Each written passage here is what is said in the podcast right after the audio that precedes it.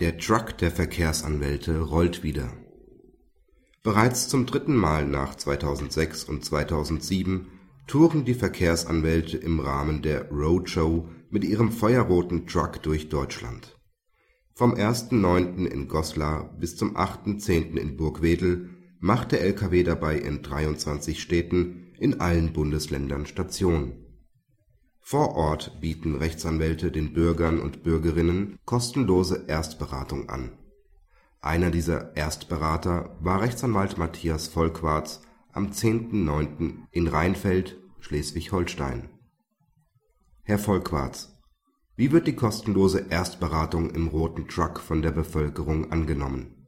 Also der Truck wurde von der Bevölkerung hier in Rheinfeld-Holstein sehr positiv wahrgenommen, genau wie die Informationen rund um das Verkehrsrecht. Dank der vorausgegangenen Ankündigungen in den Printmedien fanden sich auch konkrete Probleme hinsichtlich derer Rat gesucht wurde.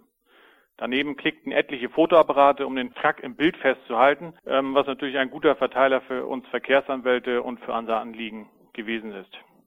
Welche verkehrsrechtlichen Fragen beschäftigen die Passanten vor Ort? Und der Ansatz der Roadshow lag maßgeblich darin, auf die vielfältigen Rechte ähm, der Verkehrsteilnehmer und auf die Fachkompetenz der Verkehrsrechtler hinzuweisen.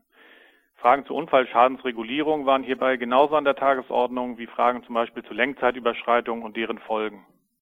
Wie kann das Mandatsgeheimnis bei einer Rechtsberatung in der Öffentlichkeit gewahrt werden? Die allgemeinen Fragestellungen wurden natürlich weitgehend öffentlich beantwortet.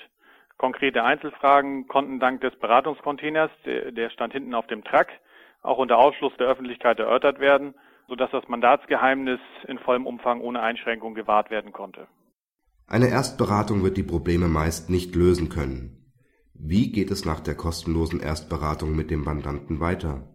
Also viele Fragen ließen sich direkt am Truck klären, sodass der Truck sich nicht als eine Mandatsmaschine erwiesen hat, was meines Erachtens auch nicht in der Intention der Roadshow liegt, die eher auf langfristige Wirkung ausgerichtet ist. Zum Teil konnte an erfolgte Erstberatung aber auch angeknüpft werden mit der Folge einer weitergehenden Tätigkeit für den Mandanten.